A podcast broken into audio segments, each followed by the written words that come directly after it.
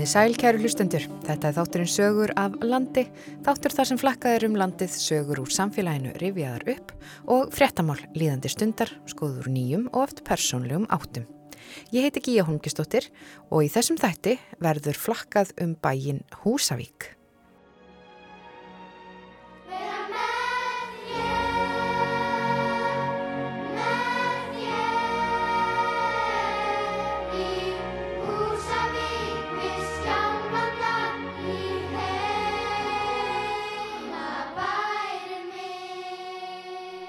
Ef þú myndir lýsa Húsavík, þessum stað, í þreymur orðum, hva, hvað myndir þú nota?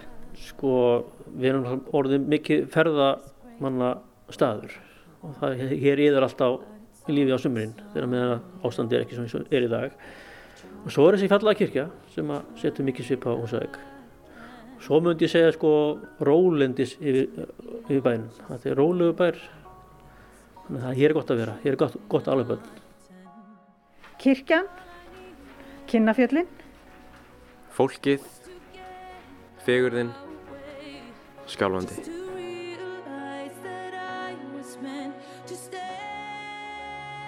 Þrjú orð sem að koma upp í hugan til þess að lýsa Húsavík. Já, kinnafjöllin, þau eru mjög fallið hérna.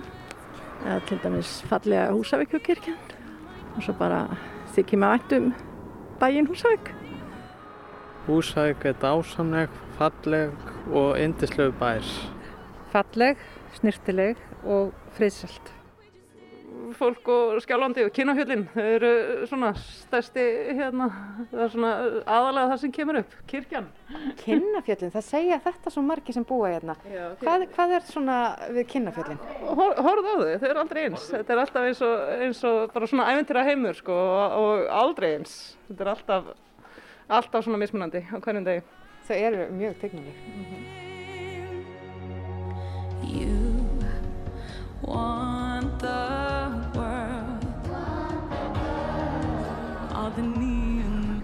eh, Fallegt, um, samkend og uh, leindamála-laus. Leindarmála-laus? Já, uh, það er svona það fer ekkert fram hjá almúðanum hér, þannig að já, ég myndi segja það. Svona allir veit allt um alla já, eða? Já, svolítið svolítið, svona smá bæjar fílingur. er það ekki gott orð? Leindarmála laus, það er svona, já, það sem er í hug. Ég hef aldrei heyrt þetta orð, en þetta er rosalega gott já. orð. Þetta lýsir bara ágætlega svona litlum bæjum út á landi. Já, ég held það.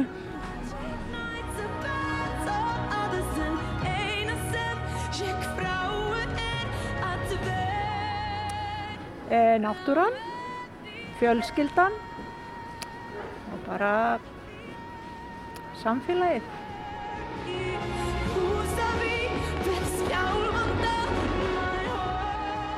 Fyrsta lagi þá er nú gott að vera hérna, gott að vera með börn og fallegu bær, er ekki komið þrjú?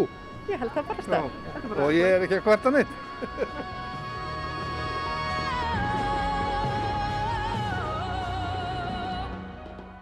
Sko ég er búin að vera í ferðarþjónustu í 15 ár sjálfur en hérna byrj, við fjölskyldan byrjaði með rekka þetta hótel fyrir 10 ára síðan. Við erum stött fremst á Húsavíkur höfða og erum komin á skrifstofuna til hans Örliks Nevils Örlikssonar, hótelstjóra á Húsavík og sapnamanns. Örlegur hefur í 11 ár rekið sapna Húsavík sem heitir Könnunarsapnið, þar sem sögð er saga af landkönnuðum og geimförum sem að æfðu þarna á svæðinu. En nú tekur annað sapn tímabundið við, Eurovision sapnið. En örlegur hefur einmitt verið ötull í að nýta sér þá aðtegli og þau tækifæri sem opnast hafa eftir að Eurovision mynd Will Ferrells var tekin upp á Húsavík og sömu leiðis eftir velgengni lagsins Húsavík My Hometown. Og örlegur var ekki lengi að skella upp einum jaja ding-dong bar síðasta sumar við hótelið en í sumar á að taka þetta alla leið. Þetta er svona gammalt fiskverk á sem við kæftum og, og breyttum og svo er, er eignuðustu fyrir tveim mánu síðan stóra skemmu sem var sem við hlýðan á því og þar er við einrétt að þetta safnarími. Þannig við erum að taka svona reit sem var, þetta var náttúrulega byggt á sín tíma, þetta var saltfiskverkun byggð 1950 og erum búin að vera að breyta svona hverjum húslut þannig að maður fætur öðrum í eitthvað skemmtilegt þannig að þetta er svona við erum að vera búin að lokka þessu æfintýri núna Já. En ert þú fættur og uppalinn á Húsavík? Já, ég er hérðan og ólst hérna upp, var hérna þá til ég var 16 ára, kláraði grunnskóla. Svo var nú bara einhvern veginn þannig, ég, bara, ég gæti ekkert hugsað mér að búa Húsavík, ég var bara að komast í burtu og hérna fór á þvælingi tíu ár, var hann á Akureyri og síðar í Reykjavík og svo fór ég aðeins Erlendis. Svo kem ég hérna í sumarstarf, sumari 2008 og það var svo merkilegt að það var einhvern veginn allt, allt annar bæjar. Bragur heldur en mér fannst þegar ég var hérna sem krakki sko. Mm. og samfélagi var orðið svona kannski, skulum við segja, marganátt opnara fjölþjóðlegra, það var svona það var mikið líf einhvern veginn í bænum. Og ég skinniði það bara stert þetta sumar. Ég ætlaði bara að koma vinna eitt sumar hérna. Að mér langaði bara að koma aftur og vera hérna. Og hérna það var til þess að ég bara settist hér að og þá fór ég náttúrulega að leita einhver til að gera. Og, og þá kom þessi hugmynd hvort að það væri ekki bara gaman að byrja með einhvern rekstur. Og þannig er henni byrjaði þetta hjá okkur og þá var það hótelreksturinn og svo leytist þú út í svona sapnastarf og þú sagði við mig á þann að þú væri alveg sapna maður, það væri svona þú í grunninn. Listu því hans fyrir mér? Já, allir það sé ekki svona kjarnin. Ég, hérna, ég hef alltaf verið rosalega heitlaðar af söpnum, ég fer mikið á söpn þegar ég ferðast og, og hérna og hefði unnið, var hjá Hannesi Sigursinni þegar hann var fórstuðað með listasafnins á Akkurinu, hafði mjög gaman að því og Hannes, ég var alltaf ungur þá en Hannes setti fullt tröst á mig og það þroskaði mjög rosalega að fá svona mikil verkefni í hendurnar. Og, hérna, og listasafnið Akkurri hefur náttúrulega, í, náttúrulega er, er bara eitt af flottustu söfnum í Evrópu. Þetta er svo ótrúlegur katalóg af síningu sem hefur átt til stað þarna í þessu safni. Og það var gaman að fá að koma þeim mörgum meðan ég var þarna. Ég gleymiði þetta ekki þegar ég var í, í mennskólanum Akkurri þá fór ég reglulega þarna sem, sem nemi og í þetta safn og upplýði alveg ótrúlega tilfinningar í, í sömum þessum síningu sem voru settar upp þá á þeim árum Þannig að ég, ég sem sagt sótt inn vinnu þarna og fekk vinnu hjá listasafnu og það svona var fyrsta skipt sem ég var að starfa í safnu og hafði mjög gaman að því. Svo fer ég í þessa ferðarþjónust og var einn alltaf að leita mér að leita til að komast einhvern veginn inn í safnastarf meðfram því því að þetta er svona tengist að margan hátt. Mm -hmm. Og fyrir einhverja tilvílinn þá rækst ég á, á bók sem að Sigurður Bói Sæfarsson bladamæður hafði skrifað um, um fólk og fréttir, fjallaðin um fjölmiðla fólk og hérna, ein, ein af uh, frásögnum þar var sem staf amerísku gemförunum sem æfðu hér fyrir túnferðirnar. Og uh, ég hafði nú ekki vitað af þessu, það vissi ekki þegar hefði verið hérna og fannst þetta spennandi saga og fór að vinna með þetta. Hef búin að setja setja upp þetta safn og, og sagði frá þessu og reyndar blönduð við inn í ymsum sögum landkonunar og landkonuða og í gegnum þetta starf þá kynnist ég þessum geimfærin sem fór til tungsins og það var náttúrulega mikil upplifun. Og hef búin að fá, bjóða, bjóða geimfærin alltaf velkomna aftur til Íslands og hinga til Úsaukur í nokkur skipti og fjölskyldu Neil Armstrong heitinn sem var alltaf fyrstur á tunglið þau hafa tekið miklu ástfóstri við þetta safn okkar. Og reyndar er yngri sonur Neil Armstrong er í stjórn safnsins hjá okkur. Og hérna en það, er ákveðin pása í því núna meðan við setjum upp þessa tímabötu síningu en hérna svo leiti þetta nú til þess að við fórum hér uh, nokkur á stað og gerðum heimildamind fyrir einum tveim árum síðan um einmitt æfintýri gemfara hér á Íslandi og ferðum eins og með hana um, um fórum til, bæði til Evrópu og til bandaríkina með þessa mynd til að sína hana. Og alliðum að vera mikið á ferðinni árið 2020 en hérna þá náttúrulega kom COVID. En þá kom Eurovision þannig þá bara opnaðist nýr kabla meðan og hérna þannig þetta er svona við, við bara grípum það sem er heitt hverju sinni. Þá má segja það. En Eurovision, eh, þegar það var verið að taka upp myndina, hvernig stemming var í bænum?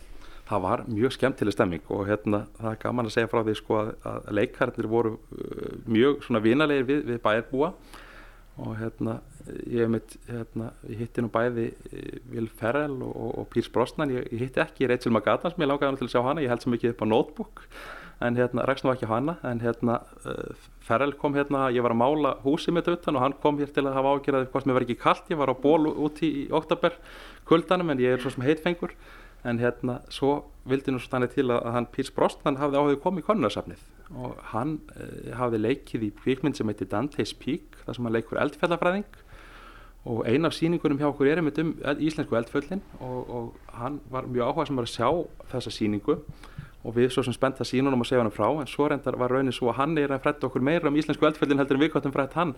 Af því að þegar hann var undirbúið þetta hlutverk þá stúderaðan mikið eldfjöld og mikið íslensku eldfjöldasöguna Þannig að það var gaman að hitta, hitta hann og sjá hvað hann er fjölfráður maður og náttúrulega setja sér vel inn í sín hlutverk sko. Mm -hmm.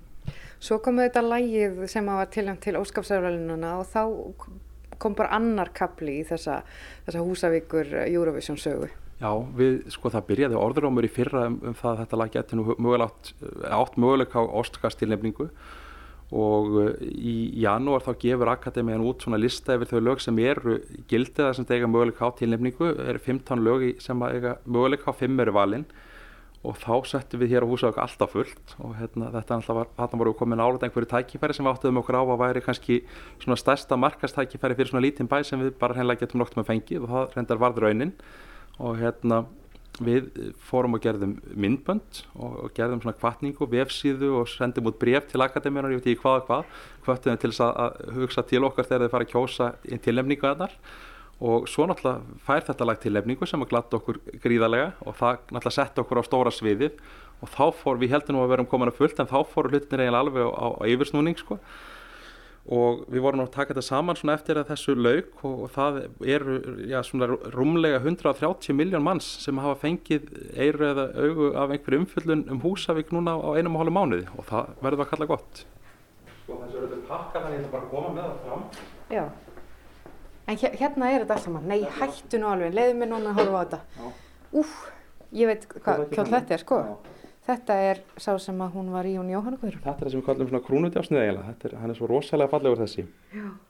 Og hérna, náttúrulega, þetta er eitt af tveimur skiptin sem Ísland hefur náð öðru sæti í Eurovision-keppninni. Má ég koma við hann? Le, lett, lettlega, já. Ég? Finnst þér ekki bara að vera á sviðinu núna? Jú, eiginlega. Ég verða, þetta hefur meiri áhrif á mig en ég bjóst við. Já, þetta er rosalega fallegur, fallegur. Þetta er alveg, og ég er endur áttur að komast að ekki hver hanna þannig því að okkur langar náttúrulega að skrifa um hann, Já. en við erum svona til nýlega að koma með þennan. En svo er ég hérna, ef við sýnum þér hérna, aðeins, þetta er þessi hér. Já, hérna. jú, hér, jú. hér eru daði og gagnamagnir, þetta eru sem sagt gítarnir og, eða sem sagt þetta er náttúrulega innblási á saxofónum sko, en eru sagt hljóðfæri sem voru í myndböndinu núna. Þau eru með ný hljóðfæri á sviðinu núna í, í keppninni í ár, en þetta var notað í fyrra og var notað í myndbandinu fyrir lagið í ár. Svo er hér í þessum skáp hér, við opnum þetta, veit ég að kannast við þessa tvo hér, fuglega, Þetta eru, jú, þetta er hérna steppi og, og Eppi og Eyvi, Já. og reyndar í vasanum á öðrum þessum er, er, er hárband sem er líka nokkuð frægt. þetta er æðislegt. Ertu búin að fá, sem sagt, og allir bara til í að lána ykkur? Já, já, þetta er, hérna, þetta er náttúrulega svona, það verður ekki, þetta verður ekki verið sínt svona saman áður. Hér er nú eitt sem ég langar að sína það líka. Þetta er nú tildulega nýlegt, þetta var í Ísrael hérna 2019. Þetta er Hatrið með Sigra, þetta er, þetta er Kilva Hatara. Já, þetta er svona skemmtilega heima tilbúið. Þetta Já. er bara límt með svona gaff, gaffateipi. Já. Svona hérna, Það er nú margt sem er svona á stórum sviðum oft sem er kannski heima smíða, sko. Já. Maður átt þess ekki á því fyrir maður kemur svona nála því, sko. Hér er, er tengist nú einu lagi sem ég, ég persónulega held mikið upp á þetta er sko Beethoven, þetta er sem sagt lagið um Sókrates. Syngjum öllum Sókrates. Mhm. Þú og þeir heitir það sko. Og hérna, og hér er reyndar jakkin sem að, sem að mitt steppi Hilmas var í og, og, og bandið sem hann. Bleiki mittist lindin Já, alveg geggjaður. Sko, Þennan áttir að strauja, hann var búin að vera lengin í skáp hjá, hjá Stefáni. Já.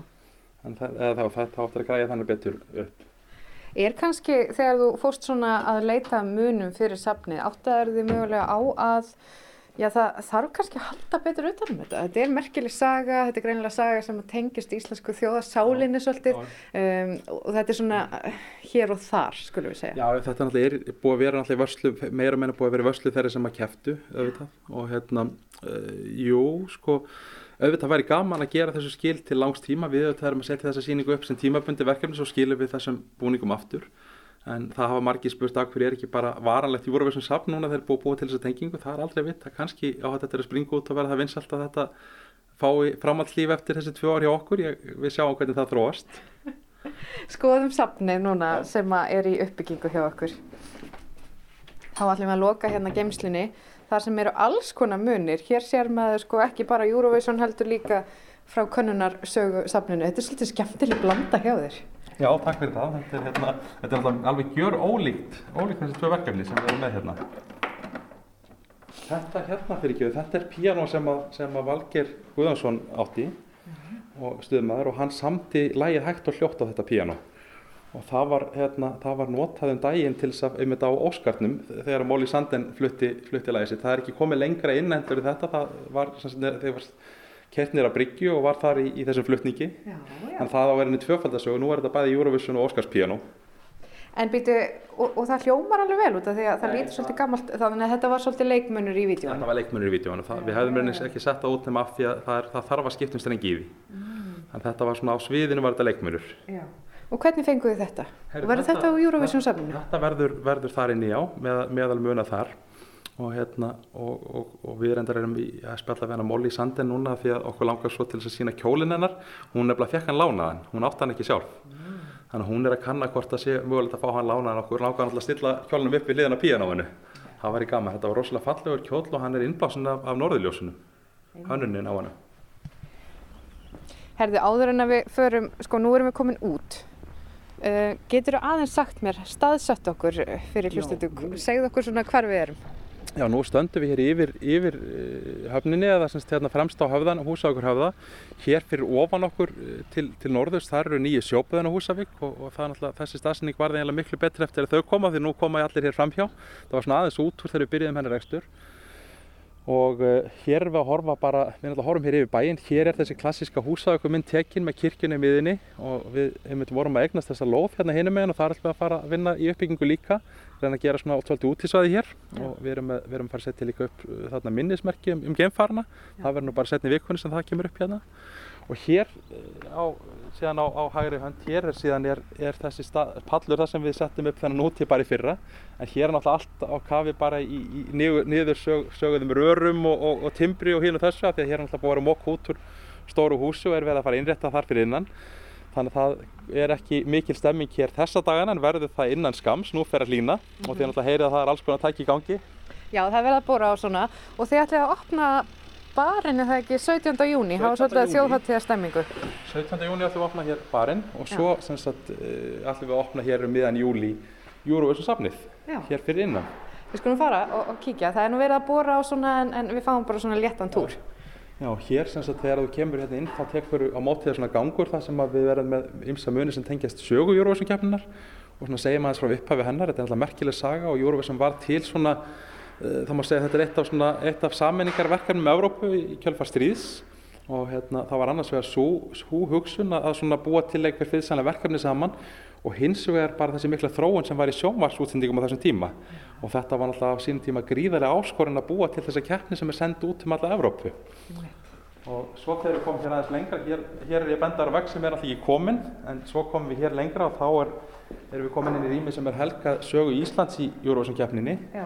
Og hér verða náttúrulega þessir, þessir, þessi merkilegu búningar og mörgum atriðin sem við erum að fá til okkar. Svo komum við lengra inn í Já, sko þetta er auðvitað bara mjög hrátt rými núna en þú væntanlega sér þetta allt fyrir Ég sé þetta allt í, sko nú er allt grátt, nú er allt verið að, að vera gifsa allt hér innan þannig að það er allt grátt. Já. en þegar ég geng hérna inn þá einhvern veginn sko hausið minn sé, ég sé þetta allt einhvern veginn í litum og ég sé allt fyrir mér. Og ég hef alltaf verið svona, ég hef mjög alltaf með að sjá, sjá möguleikana og hérna þannig að ég, ég geng um þetta rými og sé þetta alltaf í litum en flestur sem ganga hér inn núna sko. Já, þú ert svona sjónrætt. Já, og svo komum við hér inn í sal og hér ætlum við að vera með svona tónleika aðstöðu Hér verður reist, reist svona lítið svið og við ætlum að bjóða listamennum að koma hér og, og flytja tónlist, bæði Eurovision artistum og, og, og líka náttúrulega bara þeim sem hafa komað að spila hér hjá okkur. Ja. Þannig að við ætlum að reyna að hafa mikið lífi í þessu safni, mikið söng. Þetta er náttúrulega síning um tónlist og tónlistaviðbur þannig að hún verður að byggjast að miklu leti á, á hinnu hljóðuræna, ekki bara hinnu sjónræna. Ja. Og hérna, bandaríkjaman hafa svolítið verið að gera grína eða okkur keppni til Eurovision, þetta er náttúrulega söngkeppni en Vision er, er sín. En þetta þarf að ganga saman líka það er þannig. En, en, en ég hugsa nú strax um góð svona karaoke kvöld þar sem að fólk getur tekið, tekið lægið. Já, ég held að það verður mikið um það í hér sko. En glæsilegt, þetta er, við erum komin svona pínur hring hérna. Uh, Hvena stefnið þið að því að opna safnið sjálft? Já, hérna stefnum við að svona, svona upp úr miðjum júli erum við stefnaði að opna hér. Mm. Það, hérna, það er alltaf mikið, mikið verið að vinna núna, búið að vera að vinna núna í tvo mánuði hér í þessu rými og hérna, eftir svona mánu þá verður þetta sem þessari grófinu lokja þá verður þetta að fara hér að, að mála og svo verður stilt, byrjað eftir það búið að búið að setja inn all kerfa og annað slíkt, þá verður farið að stilla hér upp og þá náttúrulega hefst þessi skemmtilegasti fasi sem er að, sko hanna eða setja upp hönnununa, sjálf á síninguna sko ja. og þá náttúrulega verður þetta orðið mjög myndrand fyrir alla sem koma hér inn, inn í rýmið en hér erum við sem til senasta rýmin okkar og þetta verður segjan síning um þessa kvikmynd Netflix myndina um Eurovision Einnig og Netflix var svo ánætt með þessa herrferð sem við fórum í út á Óskarnum að þau náttúrulega buðist til að lána okkur bara allt sem við vildum á myndinni og hérna, þannig að það er stór sending á leiðin til landsins núna með, með ímsu, ímsu úr henni. Eins og hverju? Það er náttúrulega auðvitað, uh, held ég að margir muni vilja sjá klæðinas Ólaf Jóhanssonar, já, já, Dingdongörsins, hann er alltaf búin að öðlast ákveði svona sjálfstætt líf á þessari mynd, uh, en svo eru þessir flottu kjólar sem að hún var í Rachel McAdams í, í, í atriðinum sem að sérstaklega húsaðugulægið auðvitað, búningar Pírs Brosnan og, og Will Ferrell og Demi Lovato sem er alltaf þekkt, þekkt sérstaklega í bandaríkinu sko, það verður margir sem hafa gaman eins og það. Mm -hmm og ímsir smá munir, ég hafði nú gaman af þessu, svona, þessu svona sem var kannski, sem við skulum segja, á, á, þessum tengist álfunum sem var ofta tíðum svolítið gróft í þessari mynd en, en hérna, var skemmtilegt, þannig að við verðum með eitt og annað í þeim dúr líka. Já, þið verðum þá með litla álfa torfbæinn. Já, og reyndan fyrst og nefnir þá er spurning hvort við erum að lappa hér eina ferð út. Herði, já, þið nefnilega, eru þið ekki búin að búa til svona útgáða á hann? Jú, við gerum það í fyrra svona til, til að hérna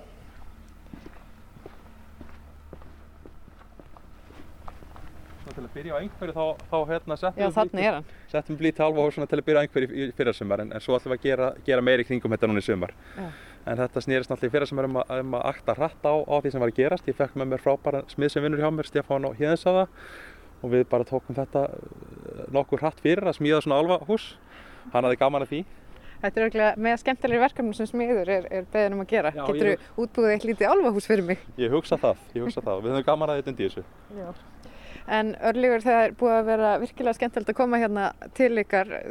Það er margt hérna að gerast. Það eru þetta Húsavík Cape Hotel og, og þú ert með bar og sapn og hitt og þetta í undirbúningi.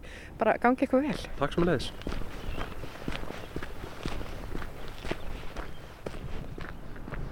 Ég stend núna hérna beintir framann Húsavíkur kirkju og þetta er eitt aðal enkenni bæjarins og ég horfi hérna svo yfir höfnina En ástæðan fyrir því að ég stend hérna fyrir utan kirkjuna er að ég ætla að kíkja inn í þetta fallega hús. Og þessi kirkja var auðvitað líka mjög ábyrgandi í myndinni sem að hefur vekið aðtegli heimsbyðarinnar en hér var kirkju klukkum ringt þegar að ljóst var að aðal söguhetja myndarinnar kæmist í Eurovision og fengi sinn draum uppfyllt en nú ætla ég að ganga hérna inn í Húsavíku kirkju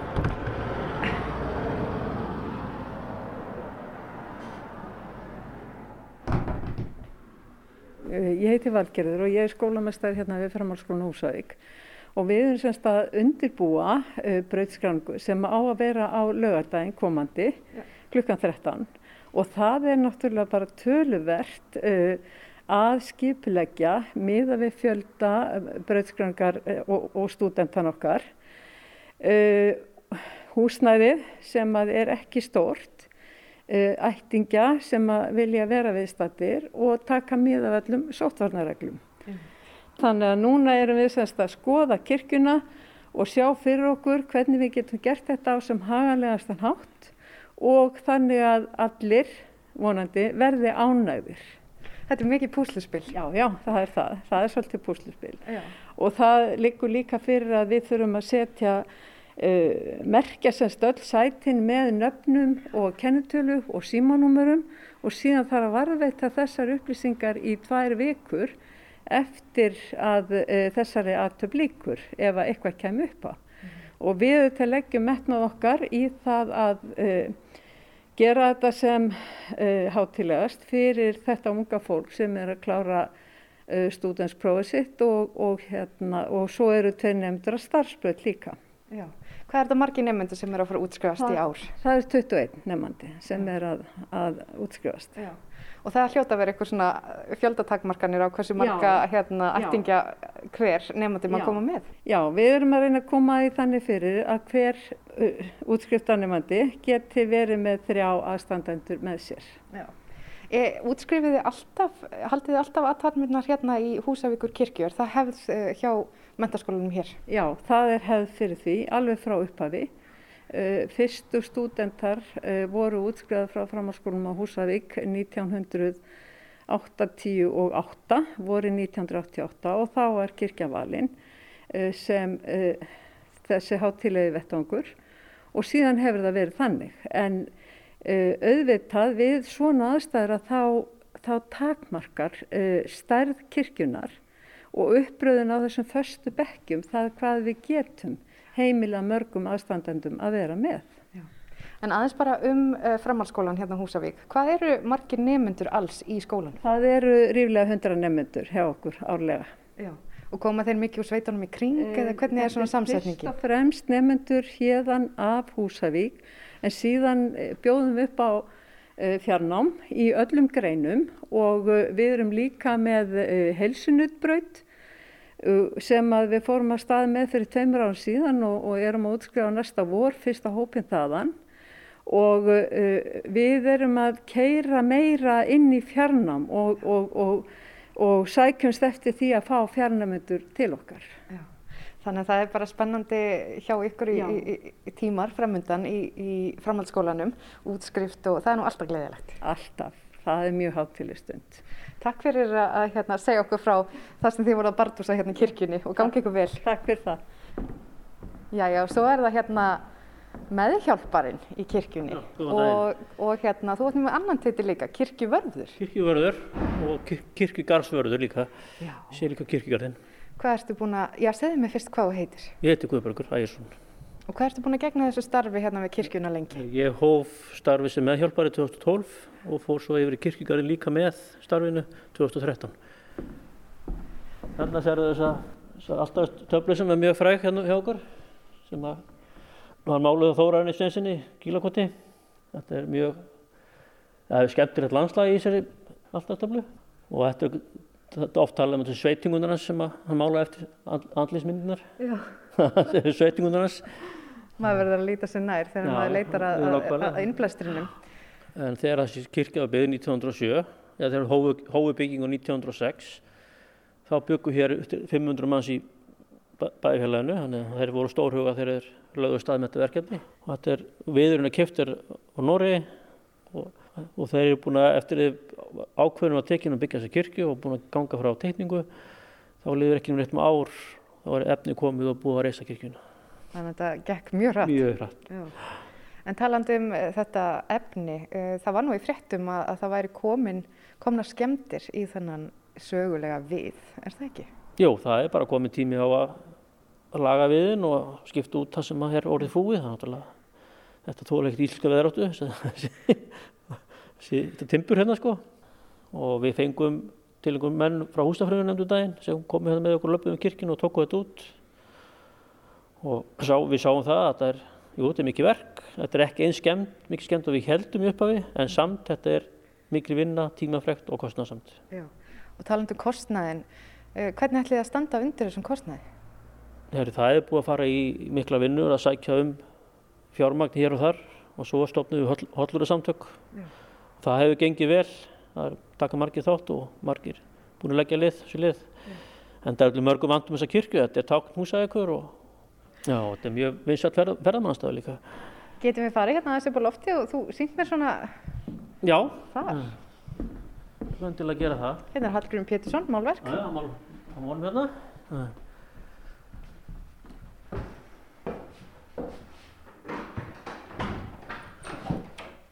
Nú erum við komin hérna á kóruloftið. Mm -hmm. Þeir eru með glæsilegt orgel. Já, þetta er... Er þetta nýlegu gripur? Nei, þetta er orðið aldrei gamalt sko, en þetta er komið á endunni líka. Við erum í minnslu líka við að fara fjármagna í Já. nýtt orgel og það eru orgel, orgelsjóður sem við erum sapnað í. Sem við svo gengum róla í, en það kemur samt alltaf aðeins. Þannig að það er margt svona í endurníun hjá okkur? Já, já, það er það, er það sko, þetta þarf að vera í stöður í endurníun.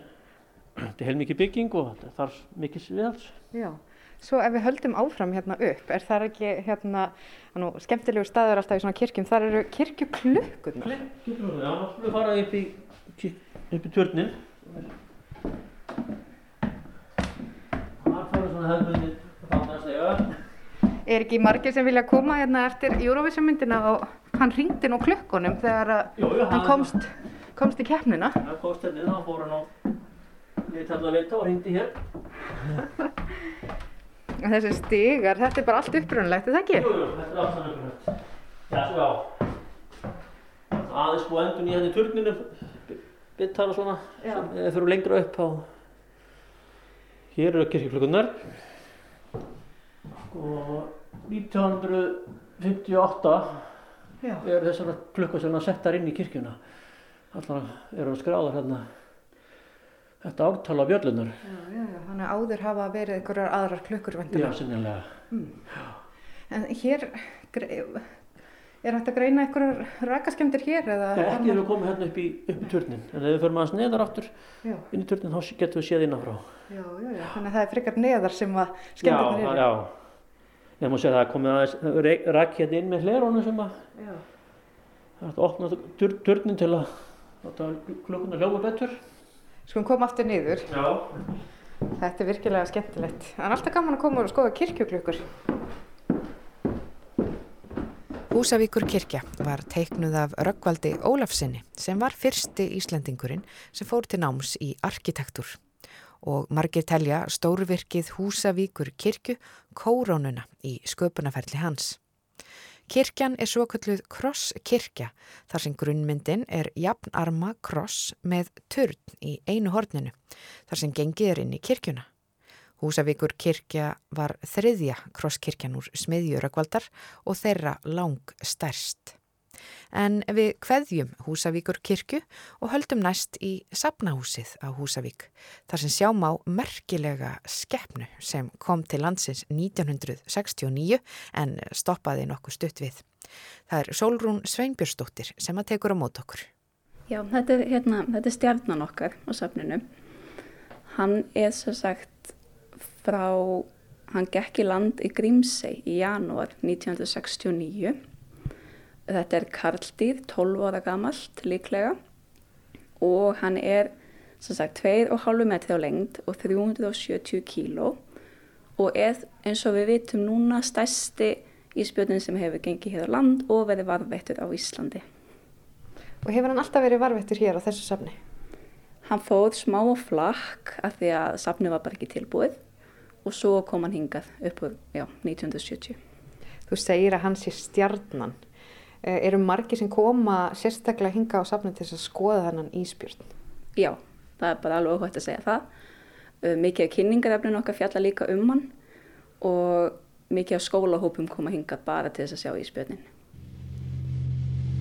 Ekki brá hafísinn venju sinni fremur en hinn fyrri árin og árið 1969 mun samkvæmt upplýsingum Páls Bergþórssonar vera annað mesta hafísárið frá því 1918 og er þá miða við þá daga sem ís varð vart. Mesta ísárið síðan 1918 var 1968. Eins og árin áður fylgdist landhelgiskeslan með ísnum úr flugvélum og skipum og þessi mynd var tekin í ísflugi snemma árs. Með hafísnum kom óbóðinn en þó ekki alveg óvæntur gestur. Ísbjörn var feldur í Grímsey. Sjö ára gammal drengur, Guðlógur Óli Þorláksson, sá dýrið fyrstur manna. Hópur Grímseyinga eldi bánsa og lagði hann að velli eftir nokkra viðureign. Þeir eldu hann norður á eina í áttað básum, nýrstabæ á landinu og þar var hann króaður af í girðingarhorni og feldur. Allt voru þetta vel nema hvað landgangan var bánsa að fjörtjóni eins og áður sagði. Endalokk hans urðu svo þau að hann hafnaði á Húsavík og verður þar í framtíðinni til sínis uppstoppaður á náttúrugripasafni staðarins. Hvað segja skólabörn þegar þau sjá svona grip? Sum eru mjög spennt og sum bara vilja ekki nálgast hann og hann er svona eiginlega í fyrsta rýminu sem við kemur inn í hérna á safninu þannig að það bregður mjög mörgum þegar við ganga hérna inn og bara sjá þetta hérna færleiki um leið. Það er eitt áhugavert við uppsetninguna hérna á safninu ykkar að þið blandið saman eiginlega svona náttúrugripasafni og eh, hefðbundnum minjasafni og úr verður svona eitthvað svona uh, heildstæð síning á náttúru og, og, og, og samfélagi. Já, við erum svolítið að reyna að sína hvernig fólk notaði náttúruna til að lifa af svona fram undir 1950 og þess vegna er þetta allt ekki aðskilið af því að þetta var náttúrulega bara allt hlut af lífinu, náttúran og, og dýralífið og steinaríkið og allt svo leiðis. Allt samofið.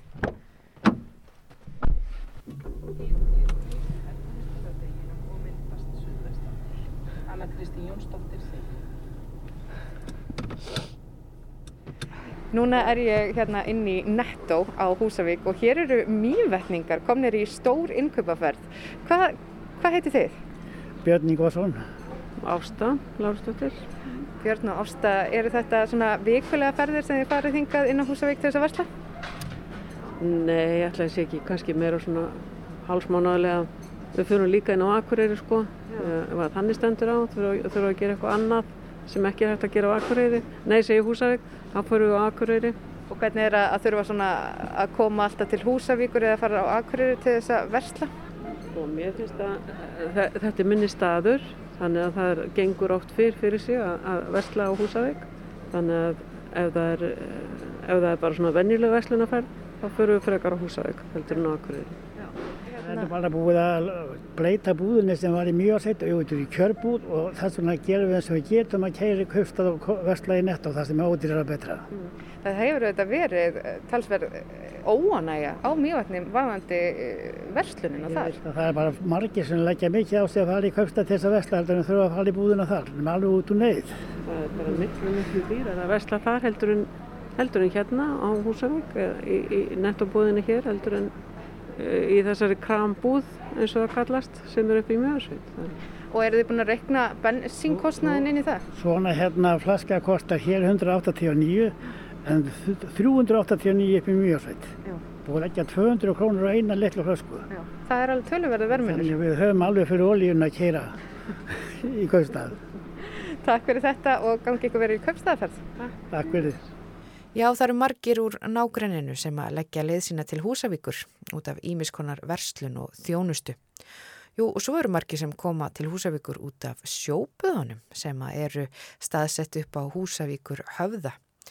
En ferðasumarið mikla, 2020, var maður varla maður með mönnum nema að hafa smelt af sér einni góðri sjálfu í böðunum með kannski einhvern góðan drikk í hendi með útsinni yfir skjálfanda. En við ætlum nú ekki að fræðast um sjóböðin, ekki beinlínis. Heldur ætlum við að forvitnast um nýtingu heitavatsins áður en að sjóböðin komið til sögunar og það aðalega hvernig hópur heimamanna hefur nýtt sér heitavatnið til heilsubótar í ára raðir. Þetta er, hér er borrólan, hérna undir, hérna. Já. Sko, það er engin, engin lýsing hér, það er kolnýða myrkur hérna sko á vetturnar og maður er að þreyfa sig áfram hérna. Það er svo merkilegt að þó þetta sé bara hérna rétt viðtæfi bæinn, hér er engin ljósmengun og ef það er bara bjart þá er, þá horfum við bara upp í stjörnurnar. Maður hefur staðið sjálf að segja að það var í tölvuna þegar maður kom heim að, já, er þetta hvað, hvað, já, þetta er sjöstjarnan, já, þarna er pólstjarnan og hvað er Venus núna? Því að ég heiti Tryggvi, raunar heiti ég Tryggvi Guttormur Finnsson. Ég fór í nám í, í, í svona matfælavinslu. Ég er fyrsti, einna fyrstu Íslandingunum sem lærir að verka fisk á bókum. Síðan kom ég tilbaka og endaði með því að vera hér frangotastjóri fyrir fiskuðsamlega í Húsavíkur sem var svona á þeim tíma eitt staðista fiskvinnslu fyrirtæki landsins og var þar uh, til 96 eða svo frá já, frá 60 og hvað, 7, 8 og um, þá tók ég nú við hérna forsvari fyrir Allinsvonarfélag Þingaðinga var hér í einn tíu ár og síðan er ég náttúrulega enda orðin næri áttræður að ég er náttúrulega búin að vera tíu ára eiginlega á eftirlaunum. En þó er það nú bara þannig að ég hef nú eiginlega alltaf verið í einhverju vinnu. En það er svona stefnir í það núna að ég fara að hætta því áður ég verði áttræður.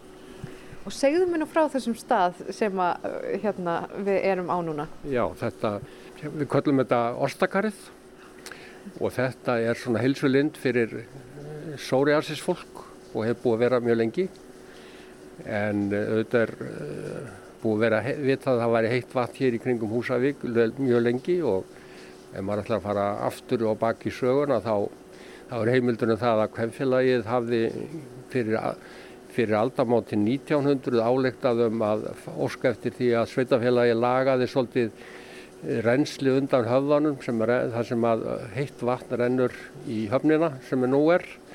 Svona að þess að búa til betri aðstöðu til þess að þó þvott og, og þannig, að, þannig að þetta er orðið meirinn aldagamal að nýta hér heitt vatn síðan fór það vatn í sundlaugin á sín tíma. Og svo aftur um miðja öldina þá fórum henn að henn að velta fyrir sér sko að nýta þetta heita vatn til uppbytunar húsum. Þá kom hér mikill frumkvöld til að byggja hér hús sem heiti Sveinbjörn Jónsson og kendur við, kendur við hvað, opnarsmíðuna og hann lagði, lagðist í það að kanna hvernig væri að flytja vatn í trestokk frá hveravellum sem er hérna innar í Dölunum og er 20 km frá Húsavík og, og það út af vissi taldan væri við hægt en menn fundu ekki svona rekstraðina grundvöld fyrir þessu þá. Og næsta þref var að bóra hér eftir heitu vatni af því að hér við höfðan þar sem var rann heitt vatn í sjóun það líti að vera hægt að nýta það og menn boruðu hér nokkrar hólur og það fannst tölvöld mikið heitu vatni En það var þeim ammörkum háða að það var sko mettað af alls konar steinöfnum, sjó, salti, klór og ég veit ekki hverju. Og það var ekki hægt að nýta það nema þá gegnum varmaskiptir sem að reyndist allt og dýrt og, og þessum hólum var lokað og næsta mál var að finna nýjan flöt á að finna flytja vatni frá, frá hverjavöllum og það tóst 1970.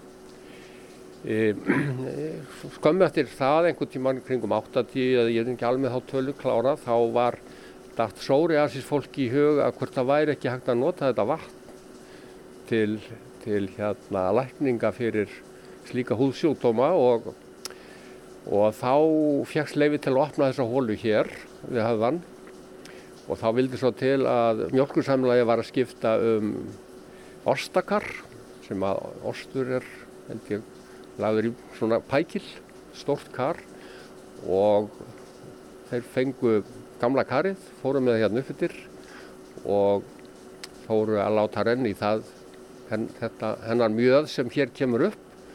Og þá kom í ljós að þetta var náttúrulega bara, var ekkert að fá betri lækningu við sóri arsis heldur þetta. Og síðan hefur það verið notað sem slíkt síðan þróaðist nú þannig að ferðamenn uppgötuðu þetta og þetta kom inn í Lonely Planet og fleiri slíkar.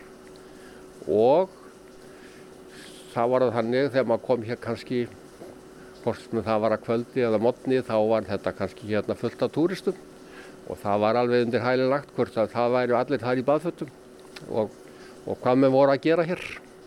Og síðan þegar sjóbóðun urðu hérna til hérna sem er hérna hinum meginn í höfðanum þá var farið að nýta þessa hólu við það og en við, sóriðarsins fólk, við fengum að fá svona bypass frá, frá dælunni sem dældi hérna upp og þess vegna er þetta notað enn. En nú er það bara fyrir okkur, það er læst hér. Já, og það er alveg vel afgirt. Ég myndi segja að hér komist engin inn sem að, já, já nema, það var mjög einbætt að brota vilja. Það er gattavýr hérna og, og alls konar. Ég sem enn hafi bara uh, tekið svona frá svona bara fangelsisgörðum þannig að menn vildi tryggja það að menn verði ekkert að príla hér yfir sko. Hvernig notar þú þennan stað núna? Nú er það ég er svona, það er nú, ég, það er nú ekki mörg ár síðan að ég fór að fá svona hér sóri aðsins vesin hér á, á fætur og handleggi og þá fór ég að stunda þetta og í dag ger ég það þannig að ég mæti sund, syndi rýst við fólk þar í, um dagsins hérna vandamál. Og síðan kem ég hérna fyrir og eitt félagið minn líka. Og við tökum hérna svona hálf tíma í, í karinu og, og ef maður gerir það reglulega þá er ég, þá er ég alveg óháður öllum, öllum smislum, smislum og, og öll, öðru sem að það er hægt að lina þjáninga þeirra sem eru þjárstað sóriasis þannig að þetta er bara lækning eða það er náttúrulega engin lækning til fyrir sóriasis eða þetta bara heldur þetta ekki algjörlega neyri. Já, förum við að hérna, hérna er þetta ostakar, uh, þetta Já. er svona málmkar. Stál, rústri stáli. Já, stálkar. Stálkar. Og það er heldur langt en því er skipt upp í tvo hluta. Já, sko, svo fundum við út úr því að það er misjant hvað við vilja hafa þetta heitt. Og hér í endanum þá, þá, þá rennur inn í þetta kar og það, er, það, er, það kemur hundrastig upp úr og það er kælt niður með köldu vatni þannig að það er ekkit blandað niður í þann hita sem við vilja. Og þetta getur verið svolítið breytilegt hvað við vilja hafa, hafa þetta heitt. Og þá datnum við í huga að setja hérna í mitt karið svona spjald, þú getur hreiftað fram og tilbaka. Og það munar svona 2-3 gráðum hvoru megin við, við veggin það er. Þannig að þannig er Já. á einfaldan máta það má leist. Og hvað er vatnið heitt í pottunum? Það er svona, skulum segja, 40 pluss mínus.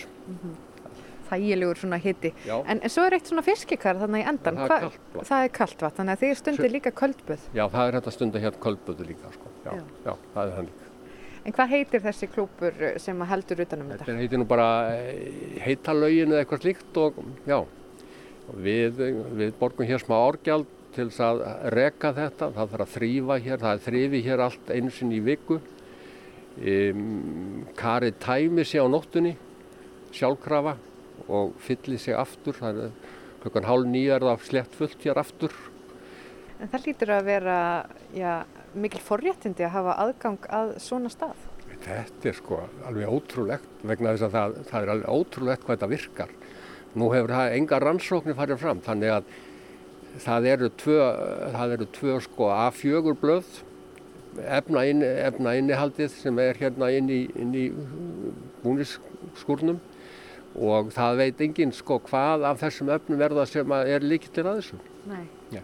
Og þetta er saltvatn sem kemur hérna upp. Það er nú stundum þar sem hefur verið borað hérna á höfðanum, þar kemur uh, sem sagt bara venjulegt, ekki, ekki, ekki sjóvatn, Já. en hér er það saltvatni. Þetta er salt. Sko það voru borðar hérna einar held ég þrjár eða fjórar holur, ég veit það ekki alveg sko og það, þær eru með breytilegt, með breytilegt innihald sko. Þetta var held ég svona efnaríkasta, efnaríkasta vatnið og svo er annað sem er gott við þetta vatn að, að samkvæmt ísotópamælingum sem að mælir aldur vass þá er þetta 10.000 ára gamalt og það, það er talið að það hafi verið fyrir 10.000 ánur rigning sem hafi og það er búið að renna hér vantarlega sko undan vatnajökli hér norðurum í gegnum all, að alla þennar basaltfilter allalið hingað og það er 10.000 ára gamalt. Já. Og það er svona ríkt af alls konar steinöfnum og, og já. efnum. En það er líka kaldavatni sem hér, sem við notum hér á Húsavík, það er líka sko árþúsund ára gamalt. Það kannski má gaman að segja frá því að mína fyrra starfi sem framkvæmdastjóri hér fyrir fiskunslunni og rækjuvinslunni og við vorum að pakka rækju fyrir Max og Spencer í Breitlandi sem er mjög kröfu harðið kaupundur og þeir voru með aðtóðsendir að við klóruðum ekki vatni sem að við úðum hana með til að rækjuna til að sko til að hérna að verja hana þotnun, svona glasserana og þeir vildi að við hérna notuðum, klóruðum það vatn. Og ég lofaði að skoða það fyrir næsta, næsta fund sem við, næstu heimsók þá var ég búinn að finna út úr því að það var mellir 5 og 6.000 ára gamalt þetta vatn. Og ég sagði þeim, heyrðu, það er bara þannig þetta er 6.000 ára vatn. Það er sko fyrir alla mengun og alla, allt slíkt. Og það, það er spurningu það hvað viljið þið borga fyrir þetta vatn til, sem ísúð á rækju og þar með var mál dött. Þannig að það er mikill hlunnindi í öllum þessum vassbúskap sem víða er á Íslandi. Það er alveg ótrúleg verðmætið. Já. Segðu mér aðeins frá þér, hvað ertu búin að búa lengi á Húsavík? Ég, ég, ég er nú reynur hættur á Salbarseri. Fæðið mér var kaufélstjóriðar og síðan fluttum við hingað þegar ég var 12 ára og, og ég hérna er nú, svo fór ég náttúrulega í skóla, fór á EMA og síðan fór ég til Þískaland, svo var það fjögur ár í námi, kom tilbaka og eftir milli, smá millilendingu á Siglufyrði þá kom ég hérna aftur og ég er búin að vera hér síðan. Þú átt einmitt minningar af þér sem uh, krakka að leika þér í heitavatninu þarna sem kemur undan höfðanum. Já, ég ólst upp hér eftir ég kom hingað á, á í húsi sem heitir Formarshús sem er, er þarna á bakkanum þar sem maður keirir neyra höfnuna. Þannig að það var náttúrulega bara leik, leik hérna svæðið var náttúrulega fjaran og, og allt sem henni fylgdi og þar varu þessar volgrur alltaf og það var náttúrulega velt að gera ýmslegt með það þarna á sandströndinni sem þar er sko við slipin sem er núna. Hvernig finnst þér svona Húsavík hafa þróast þau ár sem þú hefur búið hér? Það hefur auðvitað eins og flesti staðir svona, auðvitað hefur það verið skín og skúri svolítið sko. Og um, maður hefur kannski gert að vilja að, að, að hann væri eitthvað stærri staður í dag heldur en hann er en, en hér er mjög gott að búa. Náttúrulega öll þessi náttúra hér hvort sem er, sem er að fara austur í Ásbyrgi eða upp í Mývarsveit eða, eða hvað við erum að skoða þá, þá er þetta náttúrulega alveg dýrðarsvæði sko, að búa á og þessi auðlind sem er vatnið sem við erum að tala um hér sérstaklega þessi jarðhíti sem að náttúrulega farið að nota í miklu meira mæli núna heldur en var áður og komið virkjun á þyrsta reykjum og svo framvegis og þannig að það er ekkert að byrta framundan sko, það er ekki tryggt að verið. En Tryggvi Finnsson, takk fyrir að sína mér þennan merkilega stað, Ostakari hér upp á Húsavíkur höfða. Já, takk fyrir að lofa mér að segja frá þessu. Og þá er flakki okkar um Húsavík lokið og sögur af landi hverja. Tæknum aðri þessum þætti var Lítiða Gretastóttir. Við þökkum þeim sem hlýtu. Livið heil.